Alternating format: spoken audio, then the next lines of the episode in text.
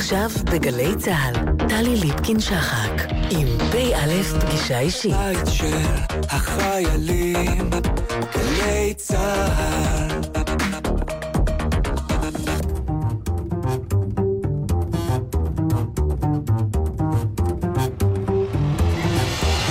כמה דברים שאתם צריכים לדעת על הפרופסור אלון טל. הוא נולד בשנת 1960 בראלי, בירת קרוליינה הצפונית, ארצות הברית, וקיבל חינוך ציוני. לאחר שסיים את לימודי התואר הראשון בכלכלה ומדעי המדינה באוניברסיטת קרוליינה הצפונית, עלה לישראל בשנת 1980, התגייס לנחל המוצנח והשתתף במלחמת לבנון הראשונה. לאחר השירות הצבאי למד משפטים באוניברסיטה העברית בירושלים, והיה פעיל איכות סביבה ומעורב בתהליכי קבלת החלטות. את הדוקטורט שלו עשה באוניברסיטת הרווארד בנושא של זיהום חקלאי, ויעץ שם לחברות בתחום זה. בשנת 1990 חזר ארצה והקים את עמותת אדם, טבע ודין. היה פעיל בארגוני סביבה רבים, בהם ידידי כדור הארץ, המזרח התיכון, וכיהן כיושב ראש חיים וסביבה, ארגון הגג של ארגוני הסביבה בישראל. כיהן כיושב ראש ועדת פיתוח הקרקע, אשר מפקחת על מדיניות הייעור הלאומי לישראל, שיקום נחלים ותחומים נוספים, והקים את הפורום לאוכלוסייה, סביבה וחברה, העוסק בבעיית גידול האוכלוסין בישראל. במהלך השנים זכה בכמה פרסים, בהם פרס על שם צ'ארלס ברונפמן על תרומתו כמנהיג יהודי צעיר, ועוד מפעל חיים להגנה על הסביבה, הניתן על ידי המשרד להגנת הסביבה. הפרופסור טל פרסם שלושה ספרים, הסביבה בישראל, כל עצי היער, החורש בישראל מן התנ"ך עד ימינו, והארץ מלאה, התמודדות עם פיצוץ אוכלוסין בישראל. וזהו הנושא העיקרי בו הוא עוסק בימים אלה. כיום מכהן הפרופסור טל כראש החוג למדיניות ציבורית באוניברסיטת תל אביב. הוא נשוי לרובין, אב לשלוש בנות, ומתגורר במודיעין.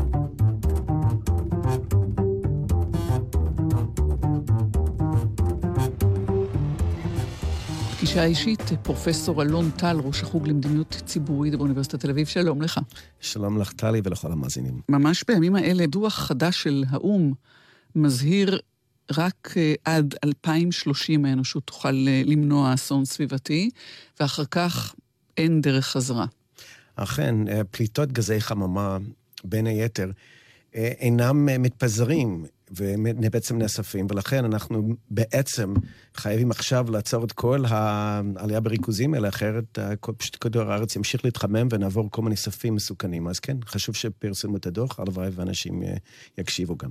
אנחנו יודעים כבר ממגמות העבר שהפלנטה מתחממת. בואו ניקח את מדינת ישראל.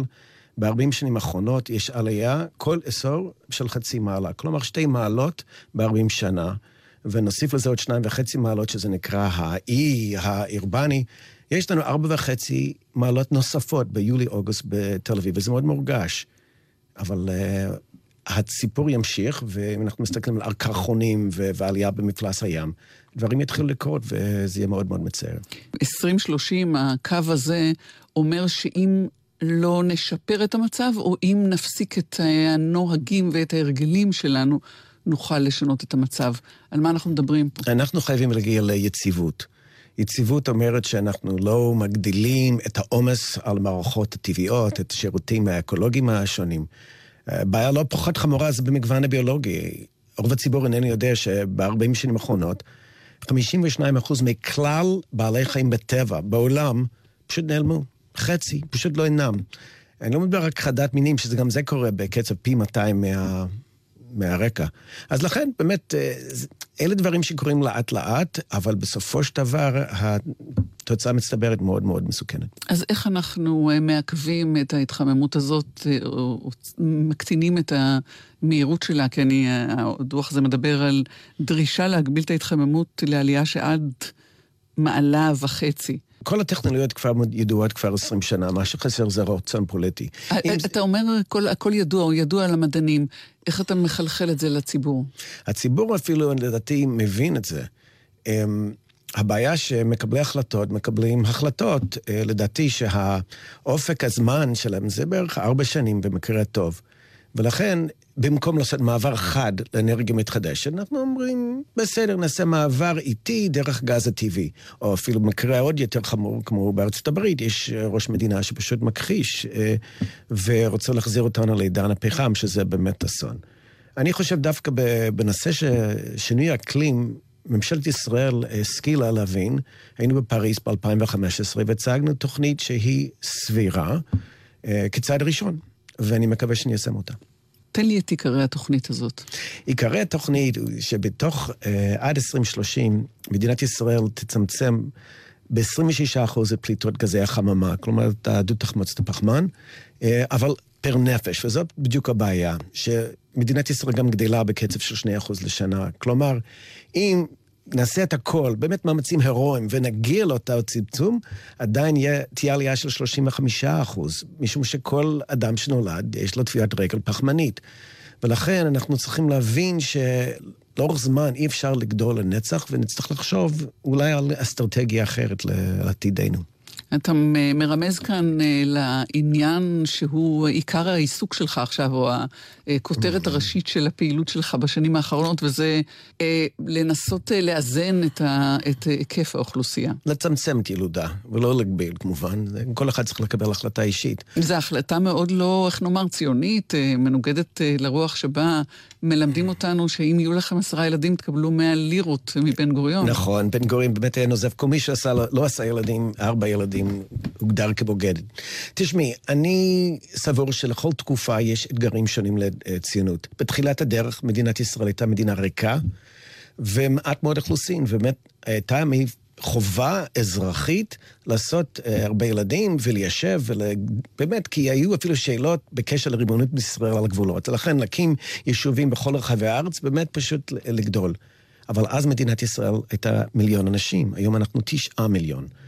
ולכן אנחנו הפכנו להיות מדינה הצפופה ביותר בעולם, ולכן אם מי שרוצה להיות פטריוט באמת, היום צריך להבין את האתגרים החדשים, שזה להגיע לאיזושהי הרמוניה עם הסביבה. שזה עומד בניגוד גמור אה, לגישה הפוליטית.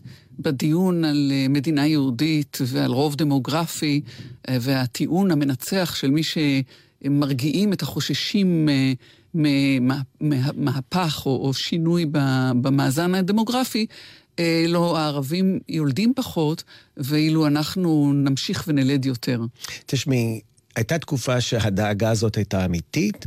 אה, בשנת 1965 למשפחה ערבית ממוצעת היו שמונה וחצי ילדים, הכי גבוה בעולם באותה תקופה.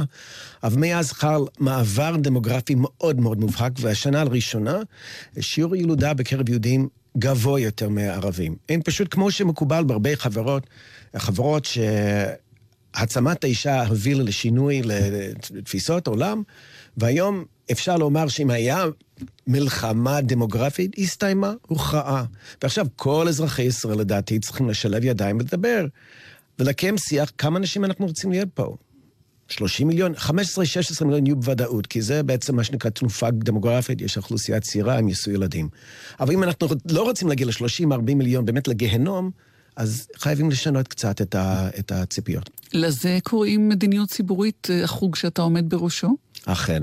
אני חושב שנושא הדמוגרפי הוא באמת גולש לכל תחום. כמובן באיכות סביבה, אנחנו לא נוכל לשמור על טבע אם נהיה פה 30 מיליון אנשים, אבל גם במדיניות הבריאות, מה הבעיה? זה ההמתנות הגדולות, הצפיפות בכיתות הלימוד, בבתי משפט, שלוש וחצי, ארבע שנים עד שאתה מקבל פסק דין, וכמובן עלייה במחירי הדיור. כל אלה נובעים מעלייה בביקוש ופער בין התשתיות שלנו לבין בעצם המספרים של התושבים. ואנחנו חייבים להתחיל לחשוב בטווח ארוך. וכשאתה אומר תשתיות, אתה לא מתייחס אה, רק להתארגנות הלוגיסטית לשיפור התשתיות, אלא למה שהטבע יכול לתת ומה שיש לו מגבלה לאפשר. נכון. ישנם דברים שאפשר לעשות אה, על ידי היערכות או אדפטציה נכונה. למשל, להגדיל את uh, מיטות בבתי חולים אפשר, להכפיל מספר כיתות אפשר. אבל יש לנו למשל כנרת אחת. בשנה שעברה 50 אלף ישראלים נסעו עם תקוות גדולות במהלך החגים כדי לתפוס את הפיסה הקטנה ליד הכנרת ולהסכים שם אור, ונשלחו הביתה באכזבה כי לא היה מקום. אנחנו לא הולכים לעשות עוד כנרת וגם לא, עוד לא אה, נוס, אה, איילון נוסף. ולכן אני חושב ש... אפשר תמיד לדחוס יותר אנשים. השאלה אם זה מה שאנחנו רוצים, לחיות באיזשהו לול, או לחיות במקום שזה מין factory farm ולדחוס עוד ועוד, או שמא אנחנו רוצים בעצם להגדיל את איכות החיים. השאלה איננה כושר אה, נסיעה מקסימלי, אלא אופטימלי. מתי מספר אנשים מתחיל לפגוע באיכות החיים? לדעתי אנחנו מתקרבים לזה. מבחינת התקינות הפוליטית, אולי לא נכון אה, לגעת במשהו שהוא הוא, הוא פרומיל, אבל אפילו סוגיית העלאת אה, הפלשמורה, או אה, ניסיון למצוא עוד מקורות לאוכלוסייה יהודית בעולם כדי להביא הנה, עומדת, המאמץ הזה עומד בסתירה לתזה שלך. אני אגיד לך את האמת. מדינת ישראל, לפחות רוב שנותיה, הגידול באוכלוסין עבר מעלייה. 3.6 מיליון יהודים עלו ארצה, לרבות הדובר הנוכחי. וזאת, לדעתי, אחד ההישגים היפים שלנו. ואני לא מציע לאף אחד לשקול לבטל את חוק השבות. אני חושב שזה חוק מוסרי ביותר, ואני גאה להיות חלק ממדינה שקולטת אחרי אלפי שנים את כל מי שרוצה להגיע. אבל נסתכל על גלי עליות, כולם מאופיינים על ידי כך שמדובר ביהדות במצוקה. ואותן מאגרים גדולים של יהודים שהגיעו בתחילה שארית הפליטה מהשואה, אחר כך אה, מצפון אפריקה, לימים אה, המועצות לשעבר, אחר כך אתיופיה. כל המאגרים האלה למעשה אה, הסתיימו, הם אצלנו. הם כבר כאן, כמו שכוורת uh, אז אמרה. ולכן אנחנו חייבים uh, לשקול אם אנחנו צריכים באמת לחפש uh, מן היקב, מן הגורם, להפוך כל אבן כדי למצוא. אני חושב שזה לא נחוץ. כל יהודי שרוצה להגיע לפה צריך uh, לתת את הזכות הבסיסית להתיישב בארצו ובמדינתו. אבל... אנחנו לא חייבים באופן אובססיבי לרוץ לכל הקהילות במלבורן או בקליפורניה ולהגיד, הנה, איכות החיים שלכם היא לא טובה, תעלו את ישראל. מי שרוצה, בבקשה, תגיעו בתגלית, תהיו באמת בסולידרית עם העם היהודי. אבל אני חושב שכשהאידיאולוגיה של גיוס עלייה אה, בעצם התפתחה, היה צורך ממש דחוף אה, למלא את הארץ. היום ארץ מלאה. הייתי אומרת שלאלברט רוזנטל היה מזל גדול שלא ישב uh, במקום שמחליטים מישהו בשנת, uh, uh, אני יודעת מה, 1978 או 1980,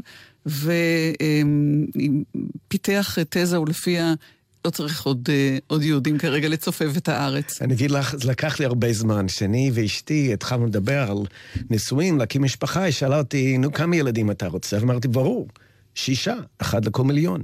וזו הייתה באמת ההנחה שלי, ככה חונכתי. אבל אז המציאות הייתה אחרת. כשאני עליתי ארצה, היו ארבעה מיליון אנשים בישראל, היום אנחנו קרובים לתשעה. ואני תמיד אהבתי את הציונות, משום שזו הייתה אידיאולוגיה פרגמטית שהסתכלה על המציאות ממש בגובה העיניים, ולא הייתה מפחדת לשנות אקסיומות אם באמת המציאות מחייבת. למקרה שמי ממאזיננו לא הבין, אלברט רוזנטל הוא אלון טל, פרופסור אלון טל. גיליתי את הסוד, אני עכשיו... אה, הסטודנטים שלי עשו לי את המוות.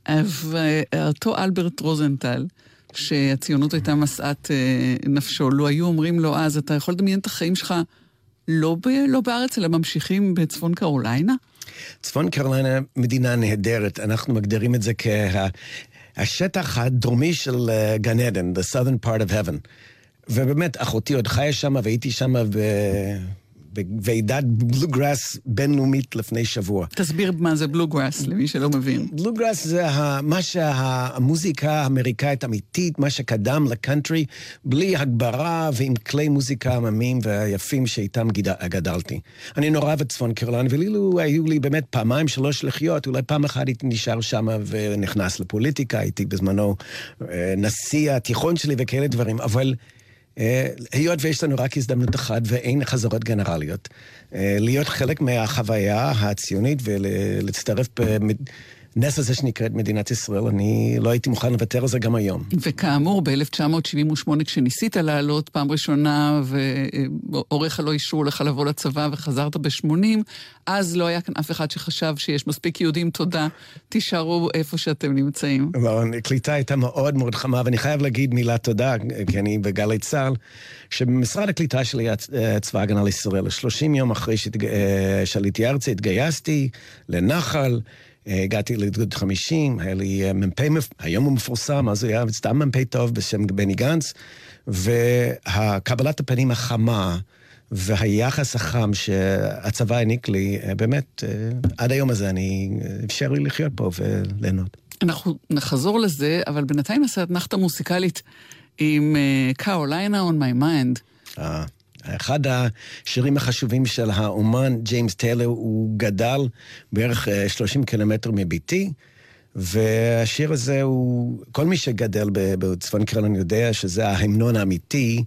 והמאזינים יענו, אני רק אגיד ששמעתי את זה רק פעם אחת ברדיו, הייתי אז באיזה מערב ב- בלבנון, וכאילו אלוהים שלח לי מסר שזה בסדר, גם בישראל אפשר לחשוב על צפון קרוליינה. נשמע ונחזור.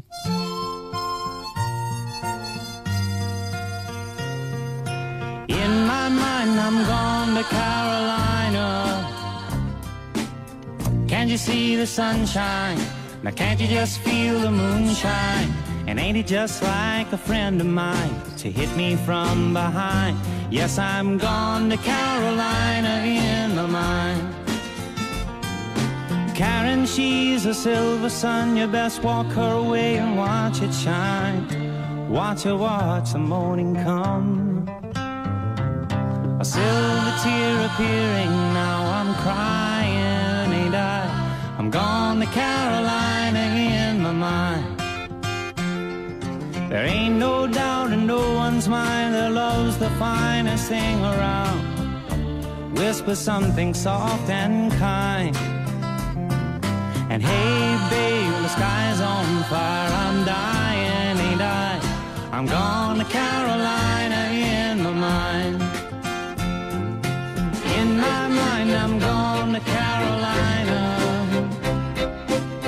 Can't you see the sunshine? Can't you just feel the moonshine?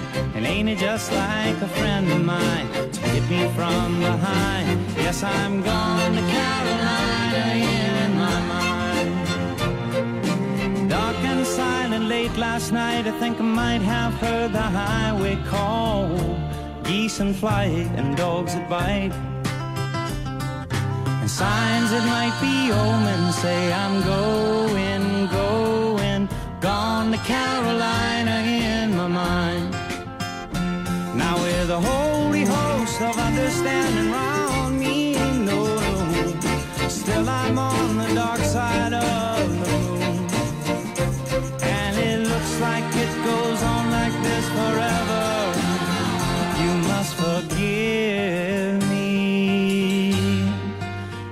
it's up in, my mind. I'm going to Carolina. Can you see the sunshine? Can't you just feel the moonshine? And ain't it just like a friend of mine to hit me from behind? Yes, I'm gone to Carolina in my mind. In my mind, I'm gone to Carolina. Can you see the sunshine? Feel the moonshine? Ain't it just like a friend of mine to hit me from behind? Yes, I'm gone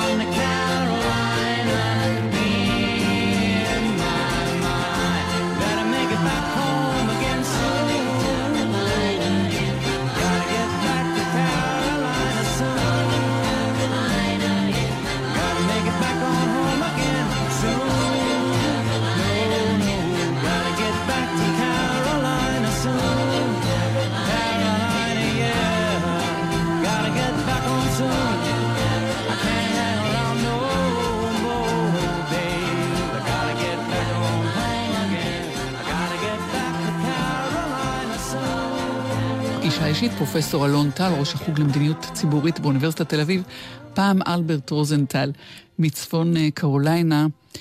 אמרת אה, נחל מוצנח, גדוד 50, אמרת אה, מ"פ בני גנץ, לא אמרת מלחמת לבנון הראשונה.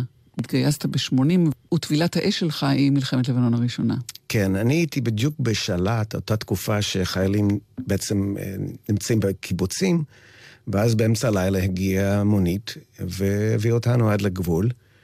אמ, היינו מוכנים לזה, כי היו הערכות שזה מה שיקרה.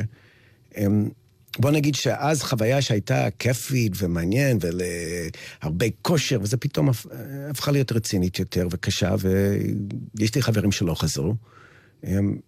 החוויה האישית שלי הייתה בסדר, אה, סך הכל את השעות הראשונות אה, פספסנו בגלל זה תקלה בנגמ"ש, ועד שהצטרפנו חזרה לאותו גדוד שהיינו מסופחים עליו, אז הם איבדו איזה שליש מהכוח מילדי RPG.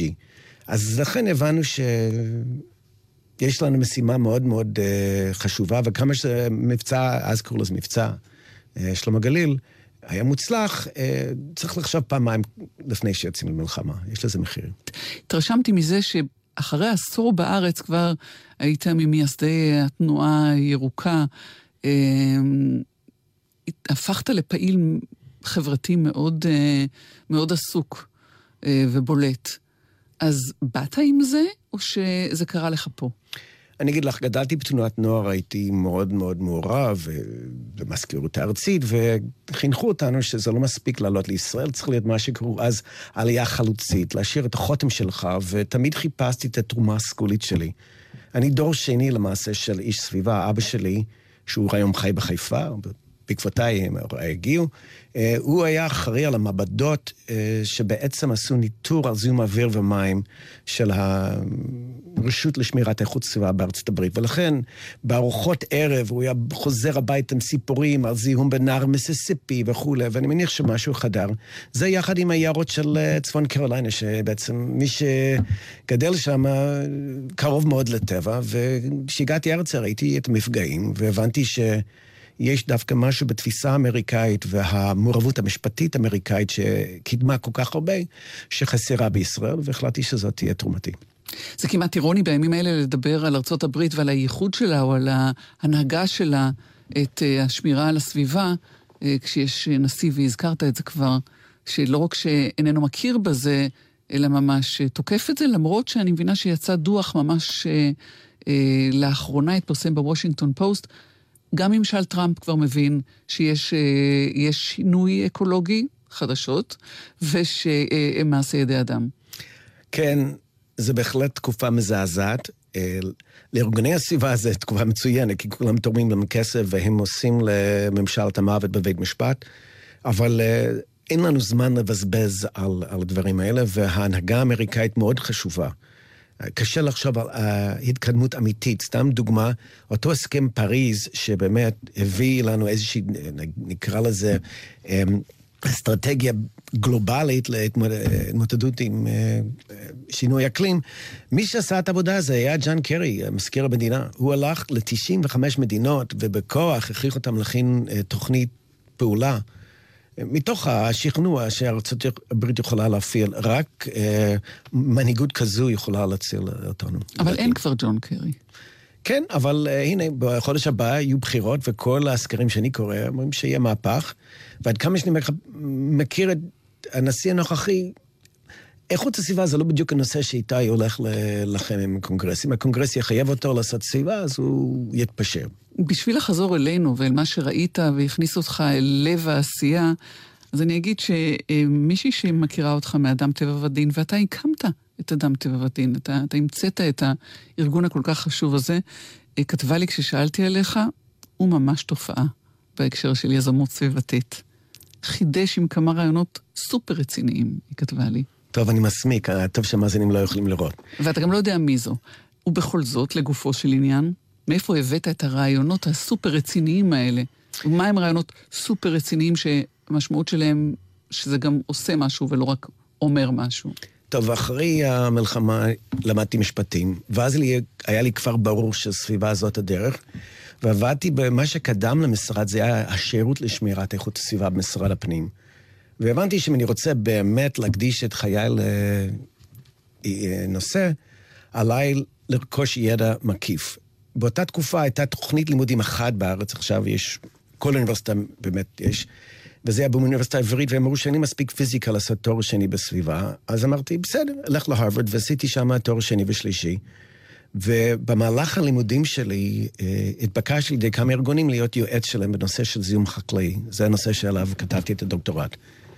ואז ראיתי איזה השפעה יש, וכמו שיש לנו האגודה לזכויות אזרח, שיודעת איך להפעיל את בית משפט כדי לקדם זכויות אזרח, אמרתי, אנחנו חייבים אותו דבר בתחום הסביבה. ולמזלי, אה, מצאתי כמה תורמים, ומצאתי עורכי דין מאוד מאוד מוכשרים, אבל אה, אני רק עשיתי את זה שש-שבע שנים מאז רמת הארגון והיכולת של הארגונים רק אה, הלכה והשתפרה, ואני יכול לומר דברים של גאווה שיש דור חדש של משפטנים למען הסביבה, וטוב שכך. כל עם ישראל צריך להגיד להם תודה, לאדם טבע ודין. אם היו מתחילים עשור לפני שהנושא הזה אה, התיישב בתודעה וגם אה, ב- ב- בלימודים במרחב האקדמי, היינו במקום אחר היום? תשמעי, כן, בהחלט יש מקומות שאפשר להצביע עליהם. אה, אם היינו רק מגישים את העתירה לבג"ץ, או מארגן את ההתנגדויות, אפשר היה להציל את זה, ויש מקומות כאלה. מדברת איתך על להבין בכלל לימודי אה, אה, סביבה, כל התחום הזה. זה נכון, אבל תזכרי שעוד בשנות ה-50, העמותה הגדולה ביותר במדינת ישראל הייתה החברה להגנת הטבע. תמיד הציונות, היה איזה זרם של רומנטים שהבינו שהשאיפה הלאומית שלנו היא באמת שעם ישראל יחזיר את ההרמוניה לארץ ישראל, והרעיון הזה שאנחנו באנו לישראל באמת אה, לשפר ולהבריא, אני חושב שזה היה מאוד חזק, ולכן אני לא חושב שלא היו בעצם חלוצים בתחום הזה. מה שכן, הרמה המקצועית, בטח בנושא האורבנית, לא הייתה גבוהה ולא היה אה, מתוחכם, ולכן אני חושב שבכלל היום יש תנועה סביבתית מאוד מאוד פעילה, אה, בועטת, לא מוותרת. ואנחנו רואים באמת כמעט בכל תחום את ההשפעה שלה, ואני שמח מאוד להיות חלק מזה. היום אני כבר לא הצעיר המורד, אלא באמת אחד מזקני השבט, וזה כיף. הקמת גם את, אה, אה, את אה, מכון ערבה. כן, זו הייתה חוויה אחרת. באמצע שנות התשעים, באמת בשיא ההתלהבות של אז היו הרבה מאוד שיחות שלום, משרד החוץ ארגן איזושהי משלחת שטיסה לראשונה לכנס ערבי, זה היה בתוניס, בספקס, כדי לדבר על uh, סביבה. היו שם ארגוני סביבה מארצות ערב, הייתי מאוד סקרני, אני עמדתי בראש המשלחת, ושם הכרתי לראשונה uh, באמת כל מיני uh, פעילי סביבה מירדן ופלסטינאים, ומה שהתרשמתי שלא הייתה אף תוכנית לימודים סבירה או נורמלית שיכולה לספר להם מה זה סביבה, מה זה תזכיר השפעה על הסביבה, מה זה כלכלה סביבתית. ואז בדיוק באותה תקופה הייתי חבר בקיבוץ קטורה, וה... מקבלי ההחלטות בקיבוץ החליטו שאני מתפרפר יותר מדי בתל אביב ונהנה יותר מדי, ועליי לחזור הביתה ולהקים איזשהו מיזם חדש. לא לעבוד בלול או במשק? הם אמרו, תשמע, אנחנו חייבים לגוון, חקלאות זה לא הכל. אני באתי עם רעיון מבריק. בואו נעשה בפארק תמנע חוות סוסים, כמו שיש ביוסמתי והרבה פארקים אחרים, ותיארתי את זה בתוכנית העבודה. אמרו, אלון, אתה לא קאובוי, אתה לא מבין בסוסים, תבוא עם משהו רציני, משהו ישים. אז להקים מכון עם ישראלים ומצרים וירדנים, פר... פלסטינאים, זה ישים. אז אמרו, אמרתי, בסדר. ואני באמת שמח שגם היום, 20 שנה לאחר מכן, המוסד הזה שורד מאות, אני חושב כבר אלפי בוגרים נמצאים, אה, הרבה מהם השתלבו בארגוני סביבה, במשרדי ממשלה שעוסקים בסביבה.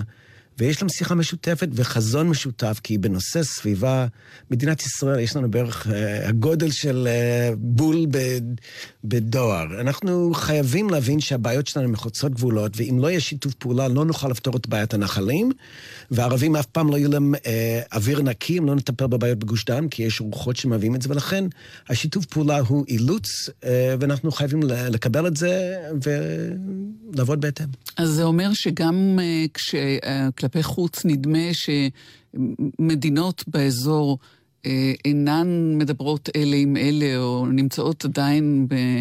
לא במצב של שלום. יש שיתוף פעולה בדברים החשובים האלה? יש שיתוף פעולה. זה לא אה, עקבי, לפעמים יש תקופות טובות יותר ופחות, אבל יש ארגון למשל אקו-פיס ישראל, זה ארגון שאני יושב בהנהגה של המאה שהקמנו את זה, אז זה יצא בעצם מאדם טבע ודין. יש משרד ברבת עמון, ברמאללה ובתל אביב, ועושים המון פרויקטים קהילתיים. אה, מקדמים תוכניות שיתוף פעולה לשיקום נהר ירדן, או להכריז על אה, ים המלח כאזור מורשת עולמית. יש הרבה מאוד אה, רעיונות. ולמען האמת, אני חושב שלרוב יש דלת פתוחה. אני למשל אה, ישבתי עם הרבה מאוד, בזמנו פנו אליי, ביקשו שאני אכין תוכנית שלום סביבתי יחד עם המנכ"ל, מי שהיה מנכ"ל המשרד לסביבה הפלסטיני. וישבנו אז עם השר להגנת הסביבה, והוא הקשיב, ואני חושב שכולנו מבינים שאי אפשר בצורה אונילטרלי לטפל בבעיות. אנחנו חייבים אה, לעבוד ביחד, גם אם, אם זה לא נעים, ולפעמים אתה ממש לא מסכים עם הצד השני, אבל מה לעשות, כולנו רוצים שיהיה אוויר נקי ומים נקיים. בלי שיתוף פעולה זה לא יצא לפעול. אבל זה שישבתם יחד, או, או רקמתם תוכניות, זה עוד לא קרה, והרבה מהדברים לא קרו, החל מתעלת הימים ששמעון פרס, זכרו לברכה, דיבר בה והאמין בה. הרבה מהדברים האלה לא, לא קורים בסוף. נכון. אמ, אני מתיר את האשמה בעיקר, אולי אפילו בצד השני. אני מסתכל על המציאות, למשל ביוב, עשרה אחוז בלבד של ביוב ביהודה ושומרון מטופל. אני מדבר על הציבור הפלסטיני. וזה לא שהיה חסר להם כספים לתשתיות. ולכן אני חושב ש... אני מקווה שכחלק מהבניית האמון שהיא מתחייבת, שאנחנו נפעל ולא נחכה לשלום כולל, כי בסך הכל אפשר להתקדם, זה לטובת כולם. ואני חושב שלמשל, יש לנו שר לאנרגיה ומים, והוא באמת עושה כמה דברים מאוד יפים לגבי שיתוף פעולה, ואנחנו מעבירים יותר מים בגלל עידן התפלה, אפשר לעשות דברים שלא יכולנו לעשות בעבר. ואני מקווה שאולי דרך הסביבה נוכל באמת אה, לעשות את הפסיעות הקטנות לקראת משהו גדול יותר. יש לך איזה אי נוחות מזה שמים הופך להיות לא רק משאב, אלא סוג של uh, נשק? אני לא יודע נשק. תשמעי, לארגוני סביבה ופעילים סביבתיים, בהתחלה התפלה הייתה מעין אתגר. למה? אתה בעצם יוצא שנים עם כל התפיסה של קיימות, שאנחנו נמצאים במין uh, חלל, משאבים מוגבלים, ופתאום אומרים לך, תשמע, מבחינת מים, הים התיכון יכול לספק לנו הכל, וזה נכון. אז אתה אומר, וואו, איך, איפה אנחנו? אבל בסך הכל הוא חיוני, מכיוון שבלי זה לא נוכל לשקם את הנחלים, בלי זה לא נוכל לספק מים לפלסטינאים וירדנים. את יודעת שרק פעם בחמישה ימים משפחה ברבת עמון מקבלת מים? בגלל המחסור אצלם זה באמת אקוטי. והם זקוקים למים שלנו, ונוכל לעזור. ודרך, אולי דרך אותן תשתיות, אה, לא נשק, דווקא כבסיס לשיתוף פעולה בריא, והלוואי והם יביאו לנו אנרגיה נקייה בתמורה.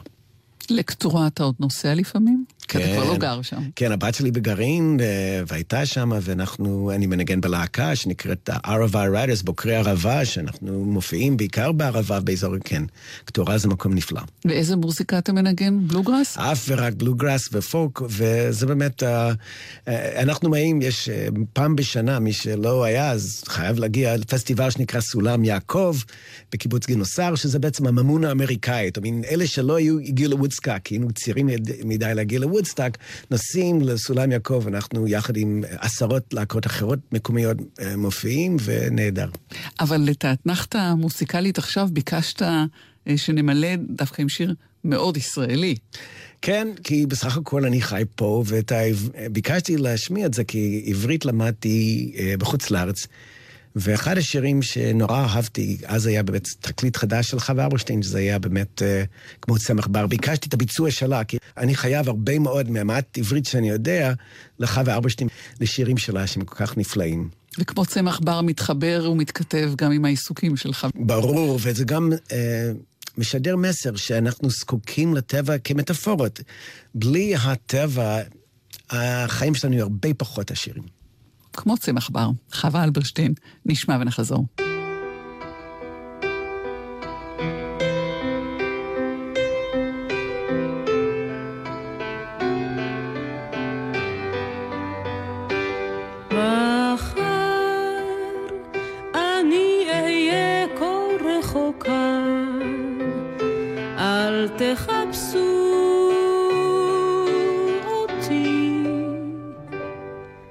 שידע למחול, ימחל לי על אהבתי, הזמן ישקיט הכל.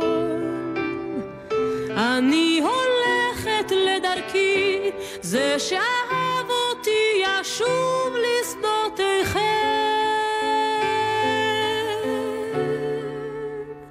מן המדבר והוא יבין, אני חייתי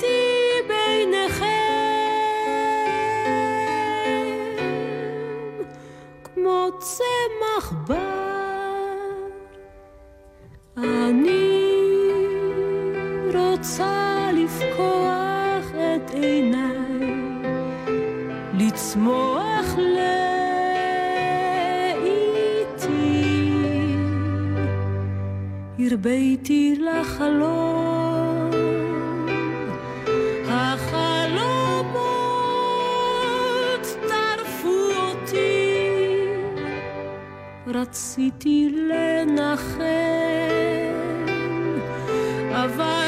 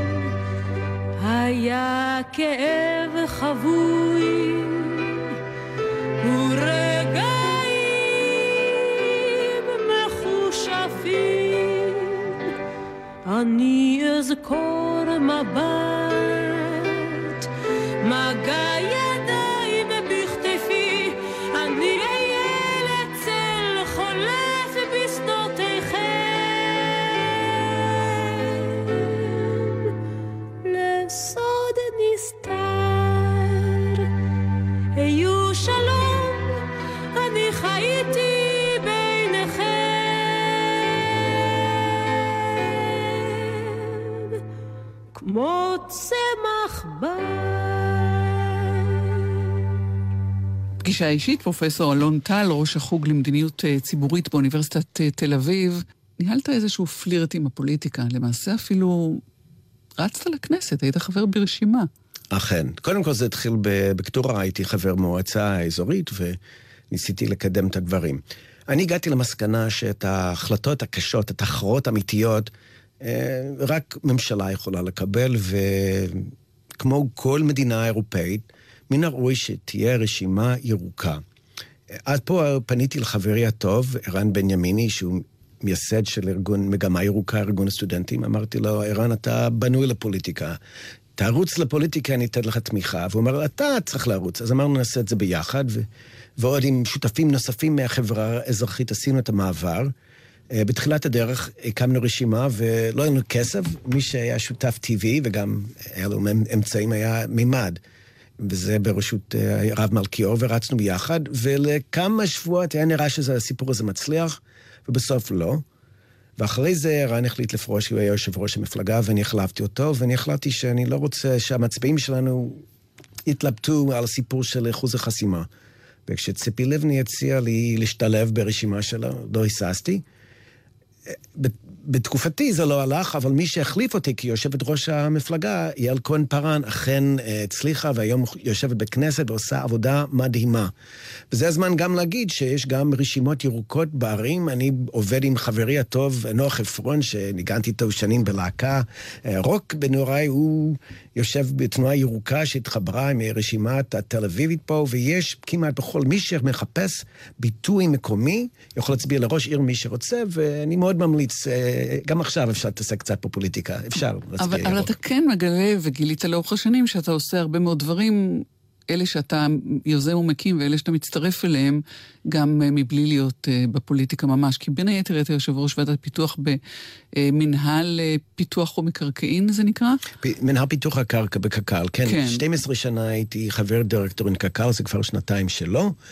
אה, מפ"ק, מנהל פיתוח הקרקע, הוא בעצם אחראי על כל נושא הייעור, שיקום נחלים, אה, כל העבודה הפיזית, הזרוע הביצועית של קק"ל.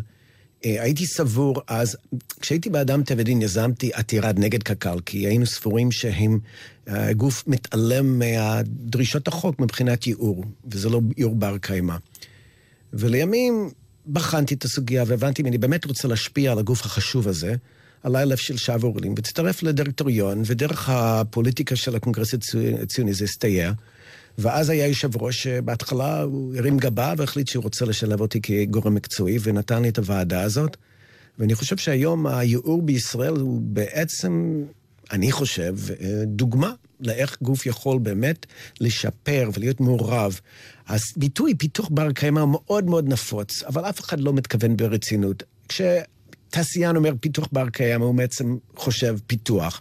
וכשמחבק עצים אומר פיתוח בר קיימא, הוא לא רוצה כל כך, הוא רוצה שימור. אבל דווקא קק"ל, שהוקמה כגוף שמפתח את הארץ, זאת, אה, קק"ל היא גוף שבעצם מנסה באמת לעשות את זה כמו שצריך, כדי שיהיה טוב לדורות הבאים.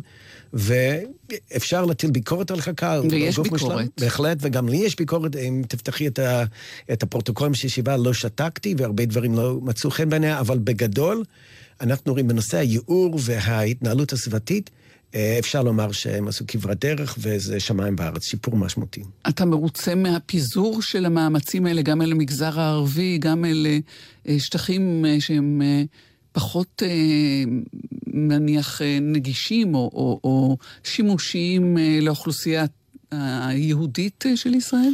אני, כשהייתי יושב ראש הוועדה, יזמתי מהלך לתת מה שנקרא לזה עדיפות, אה, אה, העדפה מתקנת למגזר הערבי. כי הייתי סבור שקודם כל מבחינה מעשית, אם אתה תזניח את הסביבה שם, אז זה מיד יגלוש, הרי אנחנו במדינה קטנה. אבל גם מבחינה אה, רעיונית, הרי המצווה הנפוצה ביותר בתורה זה בעצם לא אה, להתעלל ולהזניח את היתום ואת האלמנה ואת הגר שגר בתוכך. ואני חושב שקרן קיימת ישראל, כגוף יהודי, הוא צריך לקחת אחריות, ואחרי הרבה שנים של הזנחה, הייתי סבור שהגיע הזמן.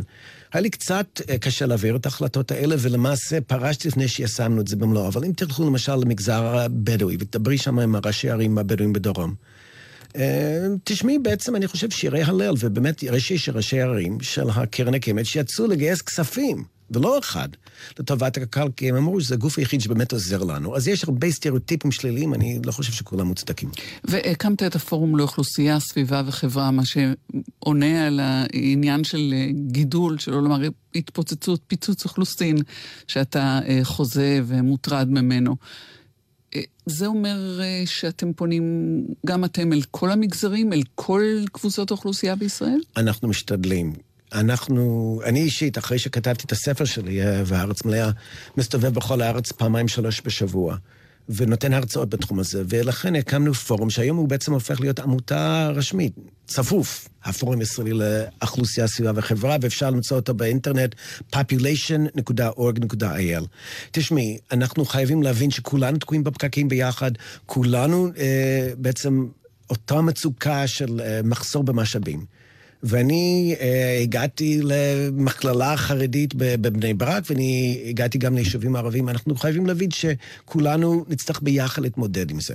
ואם זה יפו, אם אה, הסוגיה הזאת תהיה מין אה, משהו נישתית, או בועה אשכנזית, צפון תל אביבית, אז אין לזה שום סיכוי. אבל אני חושב, כל אחד חושב בגיון, מבין שהרעיון של צמיחה בת קיימא היא בעצם אי אפשר, זה אוקסימורון, אי אפשר לצמוח לנצח. ובאיזשהו שלב נצטרך להתייצב, השאלה אם אנחנו נחליט מתי, ואם איכות החיים תהיה כמו שצריך. ולכן אני מעלה את הסוגיה הזאת, וגם במשרדי ממשלה, וגם במכינות קדם צבאיות, ואני גם מודיע למאזינים, מי שרוצה להזמין אותי כמרצה, אני מגיע לכל מקום בהתנדבות. Mm. מכיוון שאני חושב שהגיע הזמן שנתחיל לחשוב לטווח ארוך, ומה אנחנו בעצם רוצים אה, מבחינת איכות חיים, וכמה אנשים יכולים לחיות פה. מהיותך פרופסור אלון טל, ראש החוג למדיניות ציבורית באוניברסיטת תל אביב, ומחזיק בדעות אה, האלה. זה עניין אה, פוליטי, זאת אומרת, הוא מדעי, אבל הוא, הוא מייצר פוליטיקה של ניהול. זה אומר שהאוניברסיטה מחבקת את העמדה שלך? האוניברסיטה כמובן לא נוקטת בעמדה בסוגיה שהיא בשנייה במחלוקת, ואני אומר את הדברים בתור דעה אישית. יחד עם זאת, אותו ספר שכתבתי הוא ספר אקדמי בסוגיה. עם איזה שלושת אלפים ציטוטים והערות שוליים אה, מהקיבוץ המאוחד, והוא זכה בפרס אקדמי על הספר, ולכן אני חושב שדווקא המקום של האקדמיה, כמקום שאני למשל נהנה מקביעות, אז זה מחייב לומר דברים שאולי הם קצת רגישים, אבל לומר את האמת, כל עוד מבוסס על מדע וידע אמפירי. ואני סבור שהסוגיה הזאת, ככל שאנחנו מדברים על זה יותר, אנשים יתחילו להבין שמה שהיה נכון למדינה שהיא ריקה הוא לא בהכרח נכון למדינה שהיא הצפופה ביותר במערב. ואני מאוד מקווה ש... אני חושב שיש כבר שינוי, ואני מדבר הרבה מאוד עם קבוצות צעירות, יחידות צבא וכולי, וצעירים מבינים את זה, שאי אפשר לגדול לנצח. הקמת או הצטרפת לארגון שנקרא Time, This is my earth. אה, כן, זה ארגון מדהים. פה אה, חברי אורי שיינס, הוא היה ראש החוג באקולוגיה באוניברסיטת חיפה, אבל פעיל סביבתי ותיק, חוץ מהו חוקר בחסד עליון. הוא בא עם רעיון שאם אנחנו חיים בישראל, זה לא אומר שאנחנו לא יכולים לעשות משהו למען ה... כדור הארץ כולו, והוא הקים ארגון שהוא בעצם רשום כעמותה בארצות הברית, אבל יושבי הראש זה אני ואורי, אבל הוא מוביל. אמ, והרעיון הוא פה שאנחנו נוכל להפעיל את כל הפלטפורמות של ה-crowd sourcing, של גיוס המוני, לטובת אה, קניית שטח שהוא בעצם אה, מאוים מבחינת ב, מגוון ביולוגי. מה שנקרא hot spots, איפה שיש ריכוזים גבוהים מאוד של uh, מינים, אבל שהם עומדים על סך הכחדה, אנחנו פשוט מגייסים כסף וקונים את שתי השטחים הגדולים, קנינו כבר, ואפשר... איפה הם? Uh, הם באזור האמזוניה ובפרו. ובהחלט uh, זו הרגשה טובה. אנחנו גם קנינו אפילו uh, אה, איזשהו מזל"ט כדי שיוכלו לפקח על האזור הזה, וזה תורמים מ-50-60 מדינות. זה פשוט אה, שמתחברים לזה, ועדת ההיגוי המדעית היא טובי המדענים מחמש יבשות. ואני חושב שזו תרומה ישראלית צנועה לסיפור הזה. אנחנו רק בראשית הדרך, זה ממש, אנחנו עוד ב...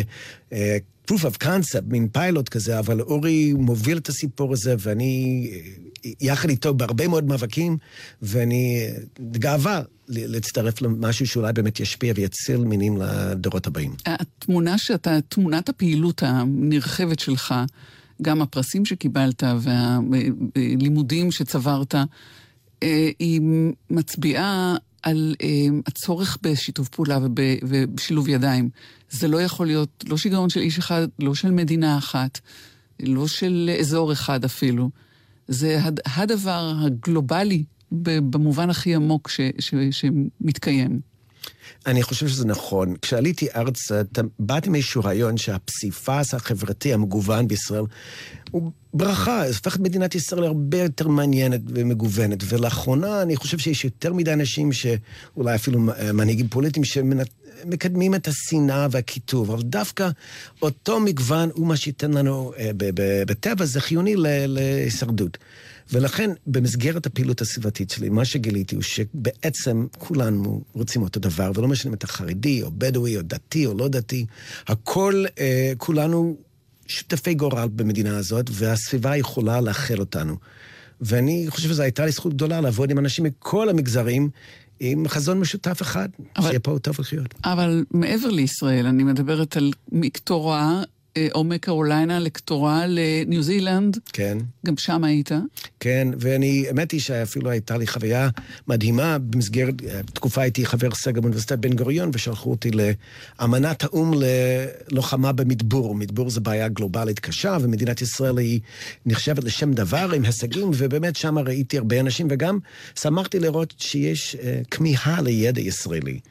ופה אנחנו לא צריכים שום תסביך נחיתות. עשינו דברים מדהימים בישראל, עשינו הרבה טעויות, אבל דווקא הנכונות לתקן את הטעויות שלנו, זה מה שנותן לנו את האפשרות לסייע למדינות, בעיקר באפריקה, אני חושב. ואני מקווה שמדינת ישראל תצא מהבועה ותבין שהיום אנחנו מדינה קצת יותר עשירה, עמידה.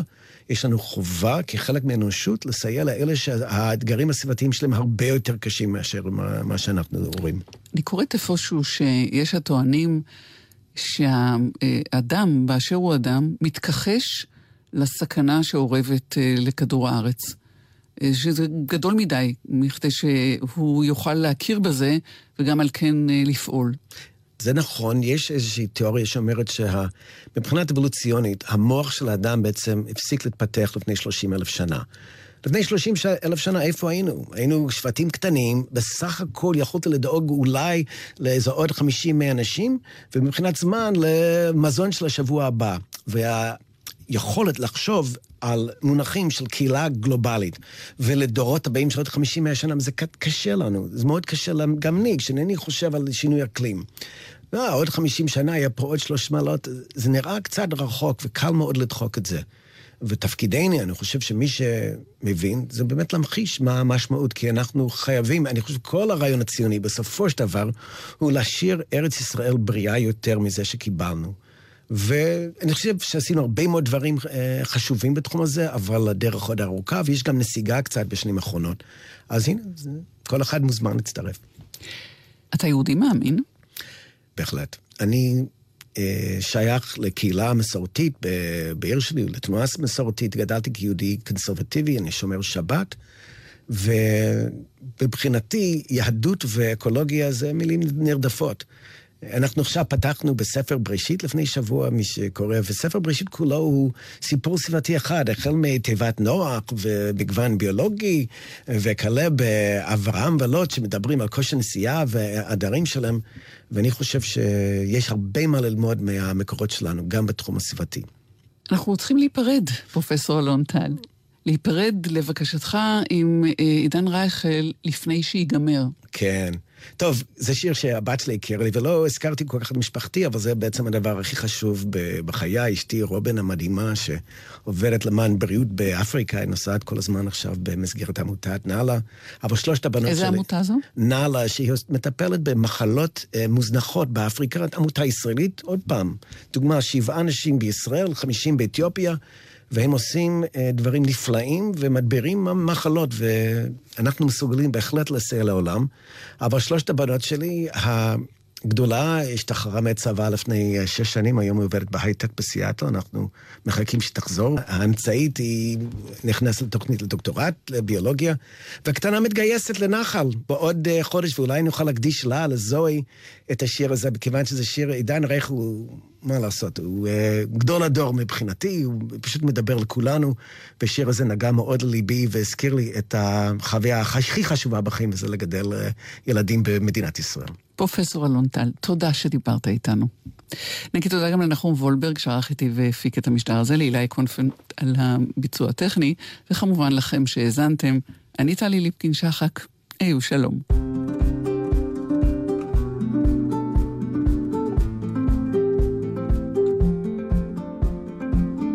לא לפחד להתאהב, שיישבר הלב, לא לפחד בדרך לאבד. לקום כל בוקר ולצאת אל החיים ולנסות הכל לפני שיגמר. לחפש מאיפה באנו ולחזור בסוף תמיד להתחלה. למצוא בכל דבר עוד יופי ולרקוד עד שנופלים מעייפות או אהבה. מכל הרגעים בזמן למצוא אחד לאחוז בו, להגיד שהגענו. תמיד לזכור לרגע לעצור ולהודות על מה שיש ומאיפה שבאנו. לחבק אותה בלילה כשהיא נרדמת אז כל העולם נרגע. לנשום אותה עמוק לדעת שתמיד אני אהיה שם בשבילה. לא לפחד להתאהב, שיישבר הלב, לא לפחד בדרך לאבד. לקום כל בוקר ולצאת על החיים ולנסות הכל לפני שיגמר. לחפש מאיפה באנו, ולחזור בסוף תמיד להתחלה. למצוא בכל דבר עוד יופי ולרקוד עד שנופלים מעייפות או אהבה. מכל הרגעים בזמן למצוא אחד לאחוז בו, להגיד שהגענו. תמיד לזכור לרגע לעצור ולהודות על מה שיש ומאיפה שבאנו. לחבק אותה בלילה, כשהיא נרדמת אז כל העולם נרגע. לנשום אותה עמוק לדעת שתמיד אני אהיה שם בשבילה.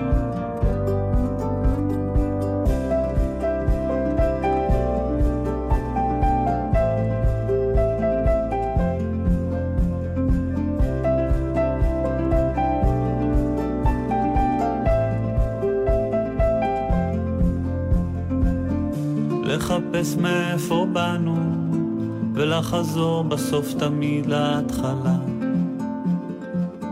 למצוא בכל דבר עוד יופי ולרקוד עד שנופלים מעייפות או אהבה. מכל הרגעים בזמן למצוא אחד לאחוז בו, להגיד שהגענו. תמיד לזכור לרגע לעצור ולהודות על מה שיש ומאיפה שבאנו. לחבק אותה בלילה, כשהיא נרדמת אז כל העולם נרגע. לנשום אותה עמוק, לדעת שתמיד אני אהיה שם בשבילה. אתם עם גלי צה"ל. הורידו את יישומון גל"צ וגלגלצ.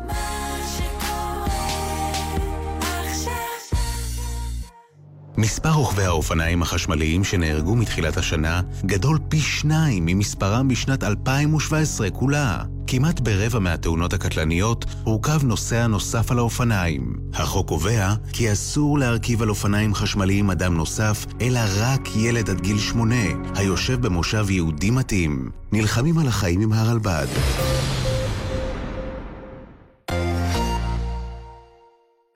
הזיכרון, גלי צה"ל במשדר ההנצחה המרכזי, אלה האחים שלי, חיילים מלחינים ומבצעים שירי נופלים. אולי הם מחייכים שם למעלה, רגועים שם למעלה.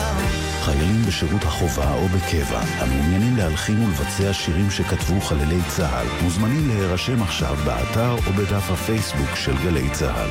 ההרשמה נסגרת ב-31 באוקטובר. בנפשנו, צופית גרנט, בתוכנית מיוחדת על הסיפורים שמאחורי הפרעות נפשיות, לרגל שבוע בריאות הנפש הבינלאומי. צריך לספר שיש לי איזו בעיה, כלשהי. ברור, מה? למה לא גם? פה בדיוק נכנס עניין הסטיגמה. יש הרבה סיבות, למה לא? תמיד היה את החשש של הצד השני להיכנס למערכת זוגית עם מישהו שהוא לוקח כדורים, עם מישהו שהיו לו ניסיונות אובדניים.